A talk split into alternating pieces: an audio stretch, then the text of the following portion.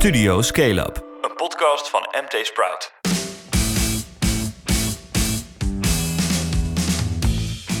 Dit is Studio Scale-up, de wekelijkse podcast van MT Sprout met alles over startups, scale-ups en de incidentele fuck-ups. Mijn naam is Philip Butters en tegenover mij zit voor het eerst collega Maarten Keswiel.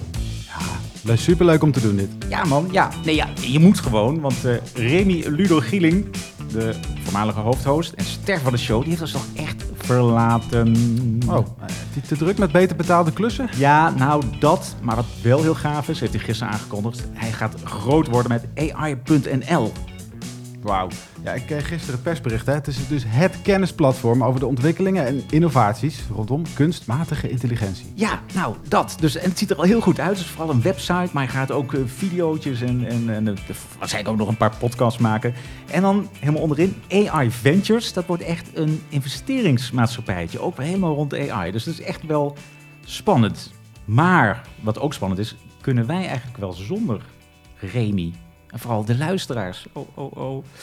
Want bijvoorbeeld, uh, zit je net zo dik in de, in de roddels en de achterklap rond uh, ondernemers, start-ups en scale-ups? Ik hoor wel eens wat, maar ja, misschien ben ik iets discreter. Ja, ja, precies. Je bent veel te aardig. Maar je weet wel echt alles over alles. Ja, doe mijn best. Heel, ja, veel te bescheiden ben je. En ik moet voortaan lachen om mijn eigen grapjes, want het kon Remy zo goed. nou ja, hey, waar gaan we het over hebben deze week? Uh, nou, uh, we gaan dat uh, post-Remy, dus na Remy, iets anders doen. We gaan sneller langs het nieuws, zodat we langer stil kunnen staan bij een paar grote onderwerpen. Ja, dat doen we sneller, want luisteraars, ik krijg ook al elke ochtend onze nieuwsupdate, hè, de MT Sprout nieuwsupdate in de mail, toch? Ja, anders moet je maar abonneren. En we willen ze niet vermoeien met brak, dus snel door het nieuws heen. En dan komt het groot bier, het grote nieuws. Wat was het groot bier deze week, Maarten? De eerste is Coolblue, dat zijn beursgang uitstelt. Dus de vraag is waarom? Ja. Ten tweede is, uh, wie zijn de belangrijkste informals in Nederland op dit moment? En wat zien we daar voor ontwikkelingen? Oeh, de Angels. Ja, name dropping. Nou ja, ik ben benieuwd. We gaan beginnen.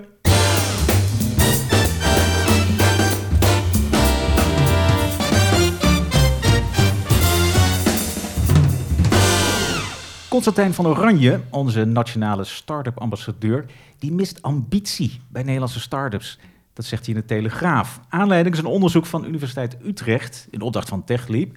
En daaruit blijkt dat bij 0,7% van de Nederlandse ondernemers wil groeien naar 20 werknemers of meer.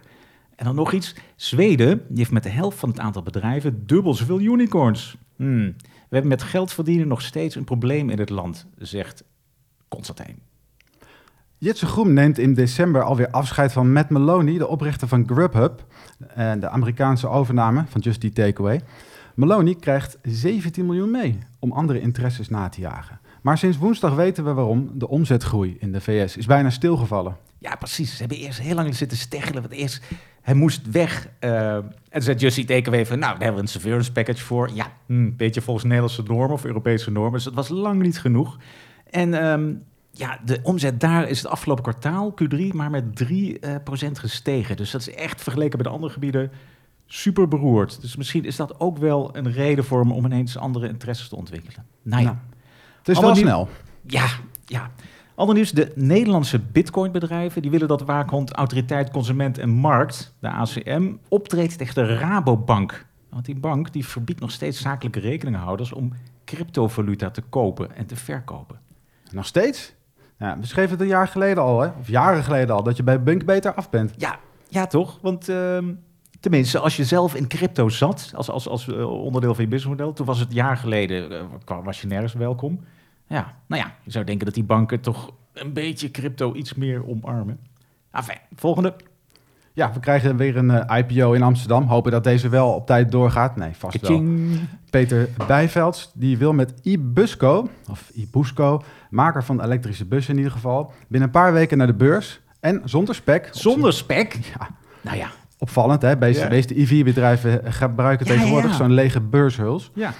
Hij wil daarmee zo'n 300 miljoen ophalen om te groeien. Uh, hij heeft in Europa, bijvels, al 346 bussen rondrijden in een aantal grote steden. En opent deze maand ook een fabriek met een productiecapaciteit van 500 bussen per jaar. Wow, ja. En weet je trouwens, ik heb ooit nog eens met een proef gereden. Raad eens waarin? Geen bus? In een echte landwind. Het was het Chinese geval, SUV. Um, En het, het, het, ja, het, Je hebt het overleefd, Het dus? stonk heel erg naar, naar nepleer. Ik heb het overleefd, ja. Daar was hij de importeur van. En dat, eh, dat duurde niet zo heel lang. Want die dingen bleken nou ja, nog gevaarlijker dan het origineel. Dan de, wat was het, de Opel Frontera. Dat was het ook al geen super veilig ding. Ja, maar goed. Weet je, Bijvelds, het is wel een ondernemer die, eh, die op nieuwe markten toen zijn nek uitstak met een Chinees geval. Maar nu met die bussen. Hij was er vroeg bij. Hè? Hij vond al heel vroeg dat de wereld van dieselbussen exit moest en dat vervangen moest worden door elektrisch. Hij was Ja, precies. En, dat- nou, en dan hopen dat die kwaliteit beter is dan de Chinese kwaliteit van Utrecht, waar jij wel eens komt. Daar Ja. rijden heel veel Chinese bussen. En de, nou ja, de een na de ander eh, die staat in de remise. En niet alleen omdat de accu's eh, leeg zijn. Dat is geen Nou ja. reclame. En over eh, elektrische alternatieven gesproken. Onze favoriete luisteraar, Taco Carlier. Hallo Taco. Die had weer een primeur dinsdag. De Van Moof V van Very, Very Snel. Nee, van Velocity of zo. Maar het is echt een monster, wordt het. Twee motoren, dat is briljant. Twee, twee wielaandrijving op een fiets. 700 watt aan vermogen. Dus je hoeft echt niet te trappen, want je gaat 50, waar dat mag. Hè, met slag om de arm. eh, we houden ons aan de wet. En er zitten super vette banden op. Dat is gewoon een hele snelle fatbike eigenlijk. Een fatbike, ja, nee, nee. Het is een speed pedelec, dus hij gaat hard.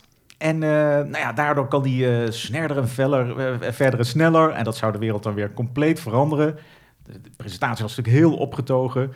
Maar volgens mij heb je toch een buddy seat nodig dan, toch? Als je echt brommers en auto's en alles wil vervangen, het OV ook deels, dan moet je gewoon met twee man op zo'n fiets zitten. Maar nee, het model is nog steeds één zadeltje. Ja, Nou je wil je vriendin niet op de stang zetten met 50 per uur. Ja, zoiets. Jeetje. Maar goed, we moeten in ieder geval nog tot eind 2022 geduld hebben. Dat is best lang, toch? Dat is wel vroeg. Dat lijkt wel een beetje eh, defensief. Of ze proberen ergens eh, voorschot te nemen.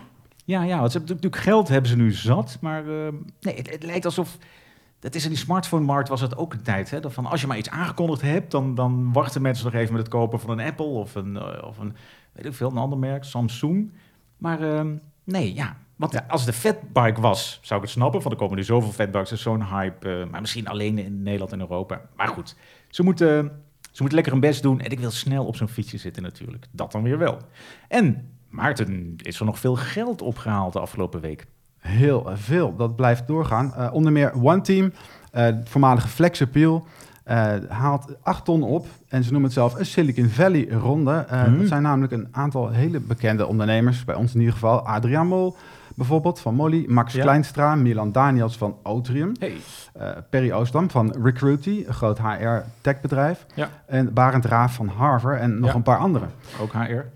En die zijn dan, ja, dat zijn, die zijn er deels druk. Hè? Ja, Barend heeft verkocht, maar, maar die andere mensen zijn er druk met een eigen bedrijf. eh, terwijl ze toch al inv- investeren. Leuk. Klopt, heel dynamisch eh, allemaal. Meer geld? Nog meer geld? En nog meer geld. Eh, het is nog niet officieel bevestigd, maar volgens Amerikaanse media stapt het Amerikaanse hedgefonds Cotu in Silverflow, een Hmm.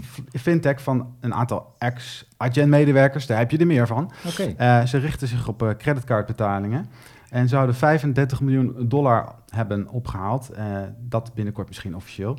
Hmm. Dan hebben we nog eh, Delft MP. Die maken batterijen, duurzamer, met nano-coating. En die hebben eh 10 miljoen opgehaald. En Lekker. daarvan is de helft afkomstig van staatsfonds InvestNL. InvestNL doet weer goede dingen. Ja, nou, ik weet niet of ze op stoom komen, dat is overdreven. Maar goed, ze hebben weer geïnvesteerd. Go Wouter. Wouter Bos. En dan is er nog Rubio Impact Ventures. Dat haalt 110 miljoen op voor zijn tweede impactfonds. Stuk groter dan nummer 1, dat 40 miljoen was. Ook hier gaat het om circulaire oplossingen, maar ook sociaal ondernemen en de aanpak van gezondheidskwesties. Rubio doet vooral kleine investeringsrondes, seed capital zeg maar, Ja. tot ongeveer Series E. Ja, het heette vroeger eh, Social Impact Ventures, toch? Ja, Social. Impact Van eh, Willemijn Ventures. Verloop en... ehm, God, die, die oude Philips man. eh, Warner zit erin, Warner toch? Philips. Ja, Warner Philips. Jeetje. Ja, nee, echt familie ook, hè? Maar goed. Hé, hé. Nou, hoop geld. Kunnen we nu eindelijk door naar het grote bier. Hallo allemaal, dag Koebloers. Vandaag hebben we besloten om de beursgang tot nader order uit te stellen. De huidige onzekerheid op de financiële markten schrikt potentiële investeerders af, met name als het gaat om nieuwe beursgangen in de e-commerce. Als groot aandeelhouders blijven we doen waar we goed in zijn: aandelen houden. Ja, je hoort het. Pieter Zwart heeft de beursgang van Coolblue alweer uitgesteld. En dat nauwelijks twee weken nadat hij had aangekondigd dat hij zijn webwinkel nog deze maand, oktober, had willen verhandelen via de AEX. Ehm, hoe zit dat, Maarten? Ja, hij geeft dus de schuld aan het veranderende beursklimaat. Dat zou anders zijn dan nou ja, een paar weken geleden. Beleggers zouden daardoor minder trek hebben in e-commerce aandelen. Ja, nou ja, en ik, ik heb even een beetje zitten, zitten kijken in mijn uh, portefeuille bij, bij, bij De Hero. Het is ook een heel handig toeltje om even de, de andere koersen in de gaten te houden. Nou ja, Amazon, eBay, Shopify. In het algemeen gaat alles nog best lekker uh, de hoogte in. Ik, ik vind die verliezen niet zo... Ja, je kunt zeggen van nou, het, het beursklimaat is inge, ingezakt. Hm. Ja, dus het is toch iets specifieker, denk ja. je? Ja, het is, het is misschien um, specifieker dan alleen de terughoudendheid zogenaamd over rondom e-commerce. Hm. Um, je hebt bijvoorbeeld in de, de Groot-Brittannië uh, wel gezien dat er een drama zich afspeelde bij de Hut Group. Het is ook een e-commerce eh, bedrijf, beursgenoteerd al een jaar. Uh, volgens de FD uh, schrikken beleggers daarvan. er zijn een hoop shortsellers op dat bedrijf gedoken. Ja. En die is echt gecrashed, die, uh, die dat koers vorige week. Is, uh, met 33 procent maar liefst uh, gecrashed, ah, dat aandeel. Ja, dat wil je niet. Nee. nee dus dat is een drama. Um, ja. Daarnaast kwam AO World, een, ook een e-commerce bedrijf uit Groot-Brittannië met een winstwaarschuwing. En dat bedrijf dat daalde ook prompt met meer dan 20 procent ja, op dat, de beurs. Ja, dat kwam dus net een paar uur nadat Pieter die beursgang van Coolblue bekend had gemaakt, hè? Ja. ja, en dit lijkt echt op. Zij zitten in witgoed en elektronica. Dat is eigenlijk een beetje waar, waar Coolblue in ieder geval groot mee wordt. Meer dan ja. 20 procent. Ja, oké. Okay. Hmm, dus het zou kunnen dat, dat, dat die discount, dat ze er niet op zitten te wachten. Maar er was ook meer, hè? want we hebben ook weer het FD. Je had analistenrapporten te pakken gekregen van, van banken... die nog voorafgaand aan die aankondiging uh, een scan hadden gemaakt... Uh, waardering gemaakt en... Daarin stond dus, dat hadden wij toen ook gemeld, dat uh, door een tekort aan bezorgers, personeel in het distributiecentrum in Tilburg, uh, dat daardoor uh, bestellingen moesten worden, worden uitgesteld. Dat, dat, de rem moest echt op de verkoop worden gezet. De loonkosten staan onder druk, die moeten natuurlijk omhoog. En daardoor is de winstgevendheid in Q3 al met enkele procentpunten gedaald, staat dan in die analistenrapporten van banken. Procentpunten. En de bruto winstmarge gaat ook voor het hele jaar nou, bijna met 2 procentpunten omlaag. Dus dat, dat is natuurlijk ook iets waar beleggers, met name in Coolblue, professionele beleggers, die worden er ook een beetje kopschuw van, toch? Zo. Dat kan dus goed zijn dat Zwart het niet kon verkopen aan, uh, aan de grote beleggers, aan wie je normaal gesproken eerst uh, je stukken aanbiedt bij roadshows. Uh, ja. Om die prijs te bepalen. Ja, precies. Want die, wat, ze hadden een bandbreedte van tussen de 4 en de 6 miljard. Maar ja, gezien die ellende in Engeland en, en nou ja, de eigen problemen, zal dus richting, eerder richting 4 miljard gaan. Dus dat, nou ja, misschien is dat niet interessant genoeg als opbrengst voor, voor Hal. Je grote meerderheidsaandeel, niet meer, bijna voor de helft is het Hal, de andere helft is Pieter Zwart. Dus ja, te weinig. Ja, hmm. ja, Hal wil echt het maximale eruit halen. Misschien wel. Ja. Het, um, het is al de tweede keer, hè? Ja, de tweede keer. Al binnen jaar. een half jaar dat uh, Coolblue zijn beursplan in de ijskast uh, zet, zo gezegd. De eerste keer ging het uh, onder andere om het zwangerschapsverlof van de CFO. Oh ja, en, oh ja. Um, ja. En zij was degene die die investor relations moest gaan verzorgen. En ja. was nog niet goed ingewerkt. Dat was wel handig. Ja, ook een rare reden. Maar ja, het, het, ja, het komt bijna slordig over. Um, maar goed, toch op het eerste oog gaat het helemaal niet zo beroerd. Oké, die, die winst, dat is niet zo fijn. Maar ja, de omzet groeit toch tegen de 30% al jaren. Dat blijft ook zo. Ze gaan naar Duitsland. Dan verwacht ze in 2025 al, al 1,2 miljard omzet. Wederom, die banken gaan er vanuit. Uh, heel veel geld wordt ook niet verdiend, maar oké, vorig jaar 6 miljoen netto winst. Dat is toch, uh, maar het blijkt wel, er moet veel goed gaan om dit, uh, om dit, om dit vol te houden. En er zijn nog wat spannende dingen, zoals die, die installatie van zonnepanelen, die energietak. Dat is natuurlijk spannend, dat, dat heeft nog geen track record. En een heel mooi ding wat ik tegenkwam, dat is echt een, een aanbeveler, dat gaat over cash management. de VEB, de Vereniging van Effectenbezitters, die heeft ook goede analisten, die, die hebben zich gestort op de jaarverslagen die er zijn, want dat prospectus zit er nog steeds op te wachten. En die, uh, die geven goed inzicht in wat voor ongelofelijke cashmachine Coolblue is. Heel leerzaam. We hebben er ook wel eens een keer in de Sprout Groeigids... hebben we er een hele aflevering, uh, de editie Cash, uitgebracht. En dat gaat dan over de, de cash conversion cycle. Dus eigenlijk hoe snel je erin slaagt om, um, om geld op te halen... bij je debiteuren en je crediteuren te betalen. Nou, Coolblue is echt kampioen dat weet dus uh, zijn betaaltermijn voor de leveranciers te rekken tot 96 dagen. Poeh. Dat is echt enorm. En de klanten, onze kleine consumentjes, die rekenen af binnen gemiddeld 31 dagen. Dus in feite ja, uh, Die leveranciers die, die lenen hem in feite werkkapitaal. Zeg. Ja, precies, precies. Hij heeft een negatief werkkapitaal en, en hij draait dus deels op de, op de, de, de cash die hij die alvast eh, van zijn klanten krijgt en nog even vasthoudt. En die cash conversion cycle houdt ook rekening met hoe lang spullen op voorraad zijn. Dat is 25 dagen, dat is wel echt super, super kort. Dus dat is door, door vergaande automatisering en efficiency en die, en die, eh, die schuren van hem, hè, noemt hij ze, die distributiecentra. Nou, dat is 25 dagen. Als je het allemaal van elkaar optelt, dan kom je op min 40 en dat is echt super. Bijvoorbeeld Ahold, die staat er ook onbekend dat hij zijn leveranciers eh, echt de duimschroeven aandraait altijd. Die zit op min 18 dagen. Coolblue op min 40. Nou, er is vast een addertje onder het gras. Ja, oké. Dus daarom is het in dit verband wel relevant. Dit gaat heel goed zolang het goed gaat. Maar als die afzet iets inzakt, dus als je gewoon, nou ja, de omzetgroei iets achterblijft en, en je klanten ja, je minder verkoopt of, of je klanten minder snel betalen. Ja, dat is eigenlijk wat, wat vorig jaar, wat vorig kwartaal gebeurde, hè, dat die omzet iets afvlakt, die groei.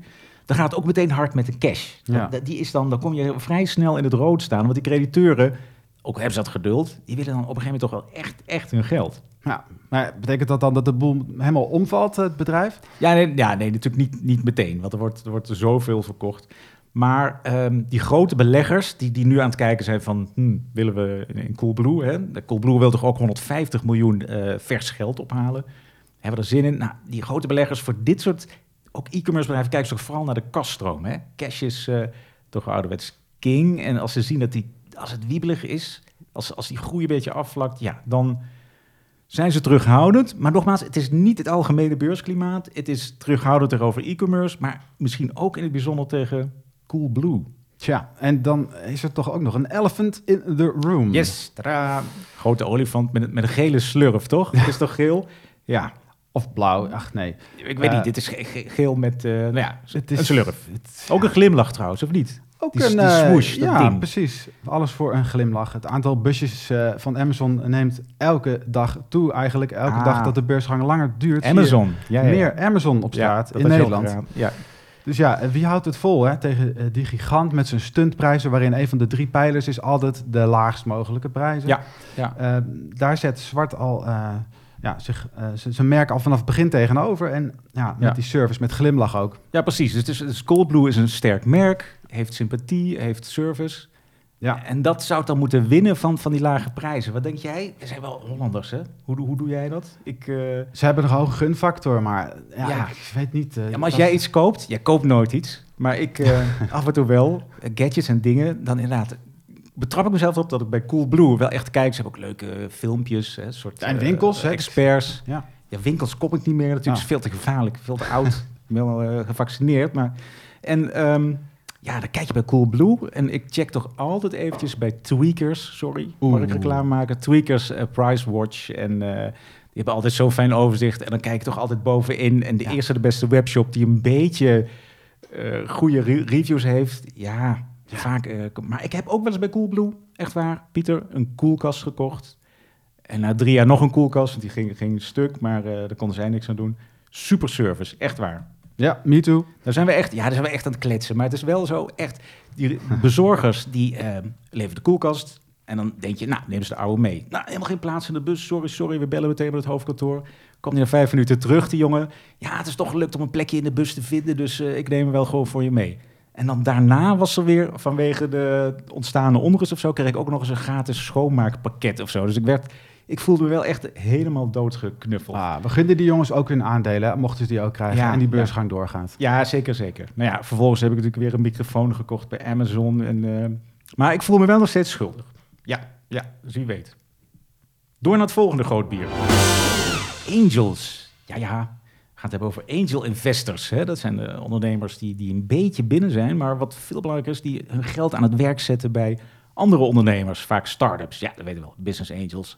Ehm, we hebben een rondje langs de velden gemaakt. Tenminste, Maarten, jij hebt, jij hebt een onderzoekje gedaan van wie zijn eh, de namen die ertoe doen. Zeker. Hoe, hoe heb je dat aangepakt? Het was er even geleden dat we dat in kaart brachten. Jij Ja. deed het een tijdje geleden. Ja, toen we nog een blad waren. Ja, ja, ja. Het Sprout Ja. Magazine. Ja, mooi Erg lijstje mooie lijst. Nou, we pro- geleden. proberen te kijken, wat zijn nou ook de nieuwe namen? Wat zijn de trends? Ehm, qua bronnen, ja, we kijken naar alle databases die ertoe doen. Je hebt Dealroom bijvoorbeeld, je hebt de Crunchbase, je hebt AngelList en natuurlijk ons eigen netwerk.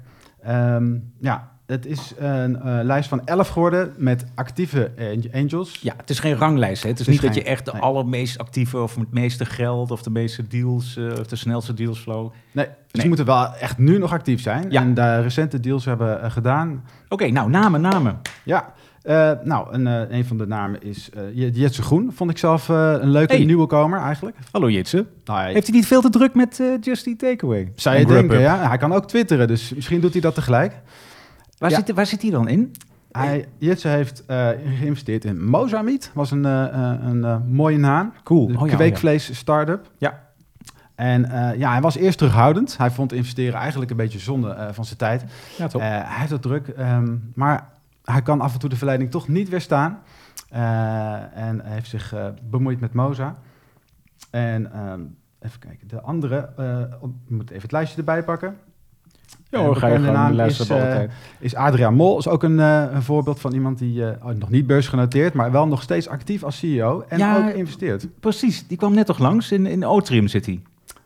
Hij eh, zit in Otrium en hij stiekem al nog veel langer. Hij heeft een, Nee, eh, sterker nog, Otrium kwam langs omdat Milan Daniels en Max Kleinsma... die investeren zelf in, eh Ja. in One Team. ja, het wordt wel Het een wordt echt een rondje. beetje de... Nee, is een lelijk woord. Wat trouwens nog Ja. even heel belangrijk om te melden. Milan Daniels, Emerging Entrepreneur of the Year Gefeliciteerd. 2021. Gisteren, daar was ik bij, bij EY. EY deelt die prijzen uit van Entrepreneur of the Year en dan de Emerging categorie. Nou, Entrepreneur of the Year ook superknap, Stijn Nijhuis van eh Enreach. Dat kennen wij als VoiceWorks. Die zijn ooit in de early days met cloudtelefonie begonnen. Nu echt 250 miljoen omzet. Europees bedrijf. Eh aangestuurd via Holacracy. Dus dat is ook eh, met die omvang. 1100 werknemers. Hij dacht ongeveer 700. eh, de verschillende landen zijn ze er nog niet toe overgaan. 700 mensen werken op die basis met elkaar samen. Dus daar zijn ze echt hele grote mee eh, wat dat betreft. Moeten we een keer langs? Stijn Nijhuis, terecht. Emerging Entrepreneur of the Year. Emerging, nou, wat heet Emerging? Is natuurlijk van Oteren, Milan Daniels. Nou ja, die heeft ook vooral heel veel geld opgehaald. Die heeft ook al 250 miljoen mensen vast eh, in dienst. En met nog een hele hoop... Nou, die is eigenlijk ook... Volgens mij is hij echt wel de grootste Emerging Entrepreneur of the Year van de afgelopen years. Maar goed, dus ook die investeert. Ja, dat is echt een, een trend. Eh, het zijn relatief jonge ondernemers die zelf de buidel trekken en instappen, omdat ze ook een beetje vinden soms dat de huidige VC-markt soms te conservatief is of misschien niet helemaal snapt wat het is om Ja. een start-up te runnen. En dat weten ze dan uit eigen ervaring, zeg maar. ja, het ze staan heel dicht op het vuur. Ze weten precies hoe dat Ja. nu gaat. Ja, en terwijl ook Adriaan Mol, die heeft het ook druk zat met Molly. En Messengerbird indirect, maar die heeft dan toch tijd om, eh, Ja, om, om in wat dingen te stappen. Dus Ja. Bucks zit hij ook in. ja. Oké. Oh, hij heeft een eigen investeringsfonds, Stash. Stash. Home Run, Slimmer AI. Dat is eh, een van Remy's uh, love darlings eh, natuurlijk. Ja. Jeetje. Hey, en dames, vrouwelijke ondernemers, Ja, die zijn er ook, toch? Die zijn er zeker. Hoewel, ja, dus je had altijd een grote groep eh, angels hebben die zich niet bekend maakt, maar we, Ja. er zijn er, zijn er zeker. Ja. Eh, eh, we hebben Janneke Niesen bijvoorbeeld als bekende. Zij heeft natuurlijk ook een fonds inmiddels, maar ook echt eh, na haar exit met Improve Digital aan de slag gegaan als angel. Ja, precies. Want ze heeft nu met Eva de Mol heeft ze Capital T. Ook al een jaartje of twee of zo. Daar heeft ze dus een deel van haar portfolio of helemaal inge, ingebracht. Ja, Test Gorilla bijvoorbeeld. Daar heeft ze, ja, precies, als informal. Polar Steps, Ja. The Next Closet, Closure van Moof. Zij let terecht ook, en dat moet iedereen doen met Eva de Mol, ook echt op diversiteit. Hè? Dus het is niet, het, eh, ze investeren niet in vrouwen, nee, ze Databased, teams. hè? Databased. Diverse teams, database, dat diverse teams beter profiteren. Ja, En die data, die onderzoeken komen natuurlijk van Eva de Mol. Dat Ja. moet je ook eens even nakijken, luisteraars. Die is misschien wel de enige geloof ik, afgestudeerd professor op, van Nederland. ja, afgestudeerd op onderzoek naar eh, de, de succesfactoren van, van start-up teams. Ja. En, en vooral divers. En divers is niet per se kleur en gender, maar ook persoonlijkheid vooral. Hè. Die moeten Ja, elkaar aanvullen eigenlijk. Wisten we al. Maar zij heeft dat echt, echt kwantitatief ook eh, bewezen. Super knap. Janneke, een andere eh, vrouwelijke investeerder.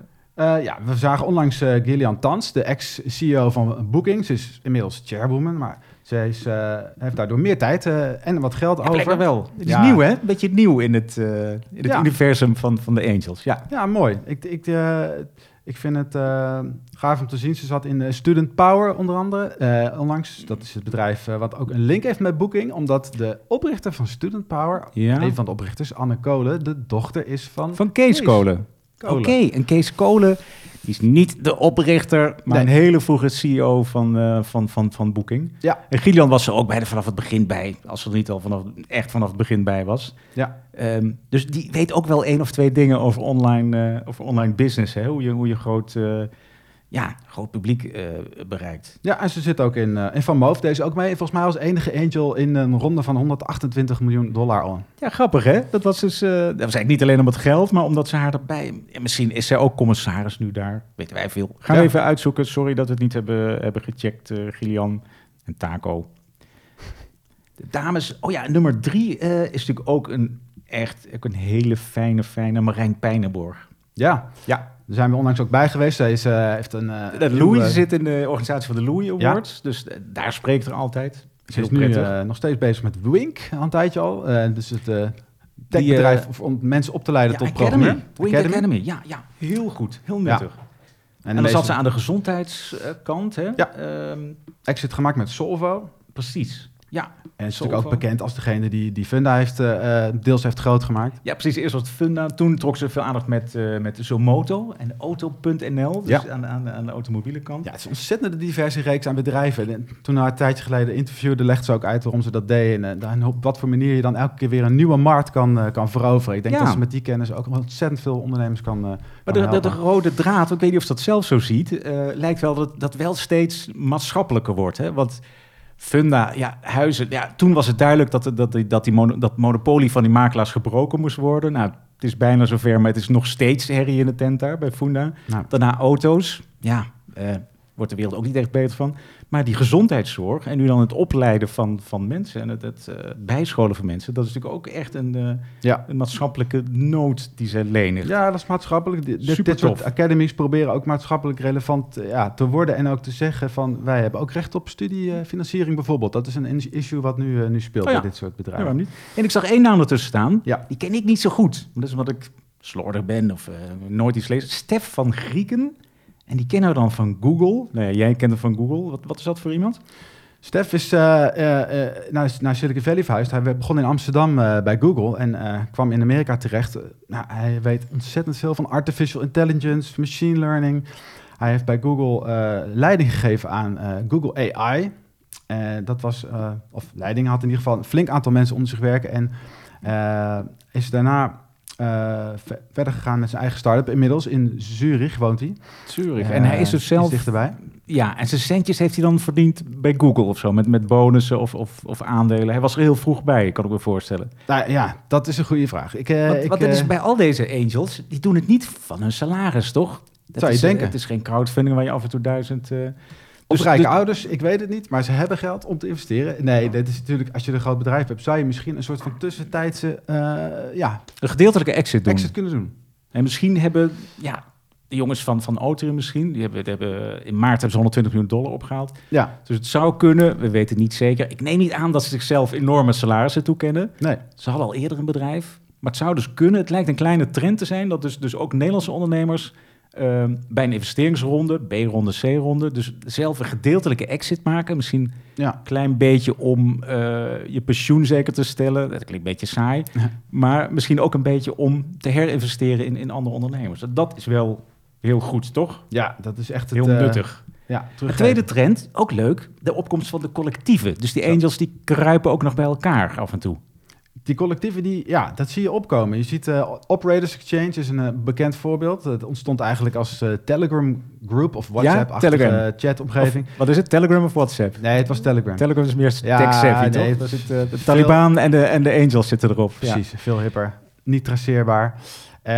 Die, die groep begon geloof ik met Jelle Prins, ex-Uber. Robert, Robert Gaal, die we nog van Wakupa kennen. Yes. Inmiddels bezig is met, met Quest, een audio-app. En eh, nou, weet je wat, als we toch eh, met z'n allen zulke goede eh, deals langs zien komen, om bundelen, onze krachten niet. Ja. Een collectief, of Angels Syndicaat zou je het kunnen noemen.